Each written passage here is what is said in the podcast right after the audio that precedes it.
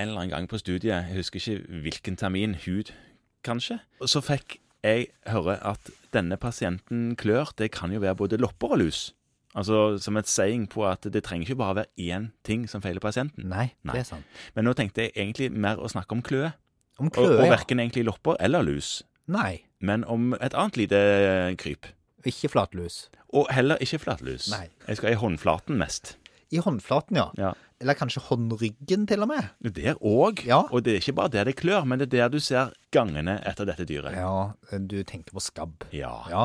Og dette er jo en litt sånn lite stas diagnose, fordi man tenker at skabb, da er man skitten, og da bor man ute og kan ikke vaske seg, og bare sorgen og dårlige sosioøkonomisk status. ja.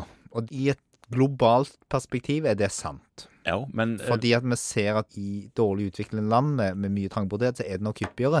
Men i Norge så er det ingen relasjon til dette. Nei, så man trenger ikke å bli sint på verken seg sjøl eller legen eller samfunnet dersom man går til legen og det som klør, er skabb.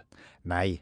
Det som er vanskelig sånn eh, rent epidemiologisk, er å finne ut hvor det kommer fra. Ja, hvorfor er det vanskelig? Ja, for det finner man ofte ikke ut. Nei, der- der- Derfor er det vanskelig. Derfor er det vanskelig. Ja. Fordi at det er ikke helt tydelig hvordan man får dette. Altså, det skyldes jo at skabbmidden, som det heter, Ja, som i et bitte, bitte lite dyr, fester seg på huden og graver seg inn i håndlaget i huden den. Og ja. akkurat hvor det kommer fra, vet vi ikke. Det kan overleve ca. et døgn uten en vert. Denne, denne skabbmidden. Ja. Så ca. et døgn uten en vert kan det overleve. Ja. Og så er det sånn at det lever da av dette hudlaget, ja. og så legger det sånn 25-30 egg i døgnet. Ok. Det, det er jo Man begynner jo å klø bare man snakker om det. Ja, men man klør mye fortere når man snakker om det, enn når man får det. Ja. ja.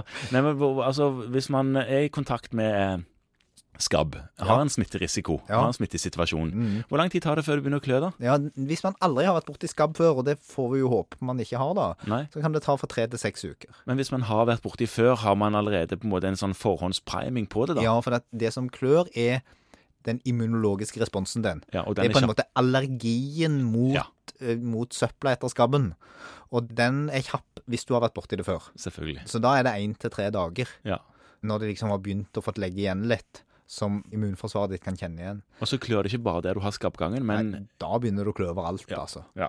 Fordi at det er en sånn generalisert immunrespons. ja. Mens i første omgang så er det da når du får tid til å bli immunisert, og det tar tre til seks uker. Og det betyr jo òg at du kan dele villig med deg av denne skabben i en periode. Men hvordan, hvor, så går du til lege, så finner du ut at det var skabb, og så når du har Ja, det, det er jo det, da.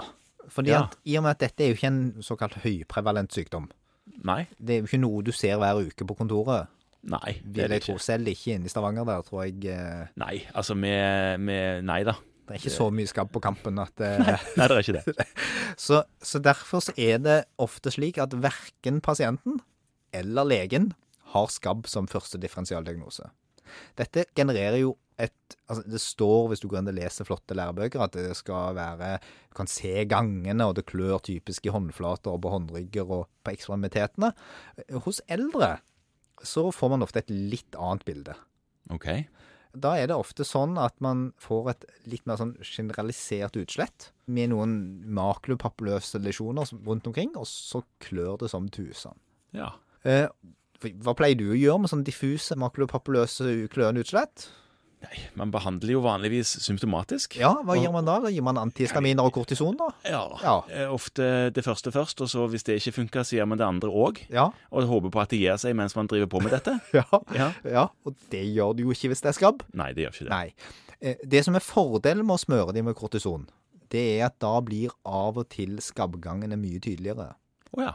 sånn, hvis man virkelig går tett innpå pasienten, nå høres jo det litt ubehagelig ut når man kryper et smittsomt vesen der, men og ser, så kan man da se gangen etter der skabben har krøpet gjennom hornhuden, og i enden av den gangen er det en bitte, bitte liten sort flekk. Hva er den sorte flekken, da? Det er skabben. Oi sann. Der er han. Eh, og den kan man da pirke ut med en nål og se på i mikroskop. Man kan droppe å gjøre det. Og Hvis bare man er satse på- veldig redd for smitte, så kan man droppe å gjøre det, Ja. og bare satse på å behandle. Men sånn diagnostisk sett så kan man godt gjøre det, Ja. hvis man finner det, eh, og da får sett denne skabben. Ja. Den, har, den ene skabben der har du jo kontroll på. Ja, det er sant.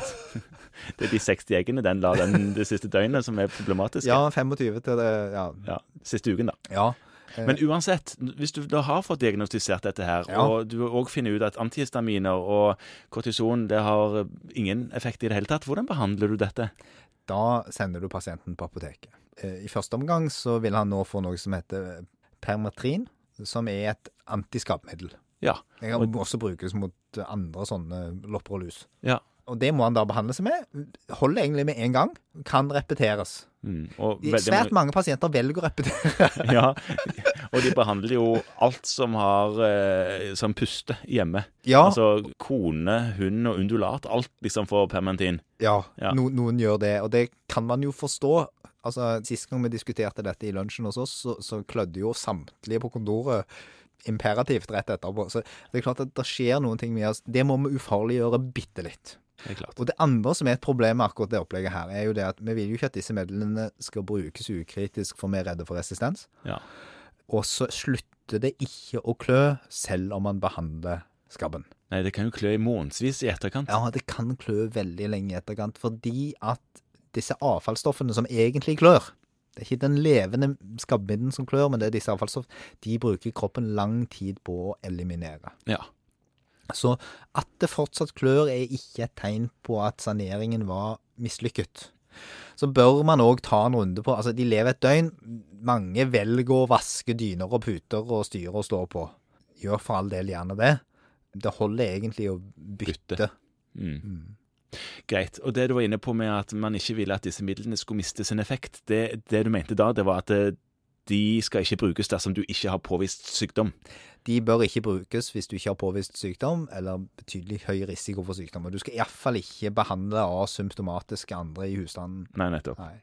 Så undulaten var ikke nødvendig å Undulaten var i hvert fall for mye. Ja. Ja.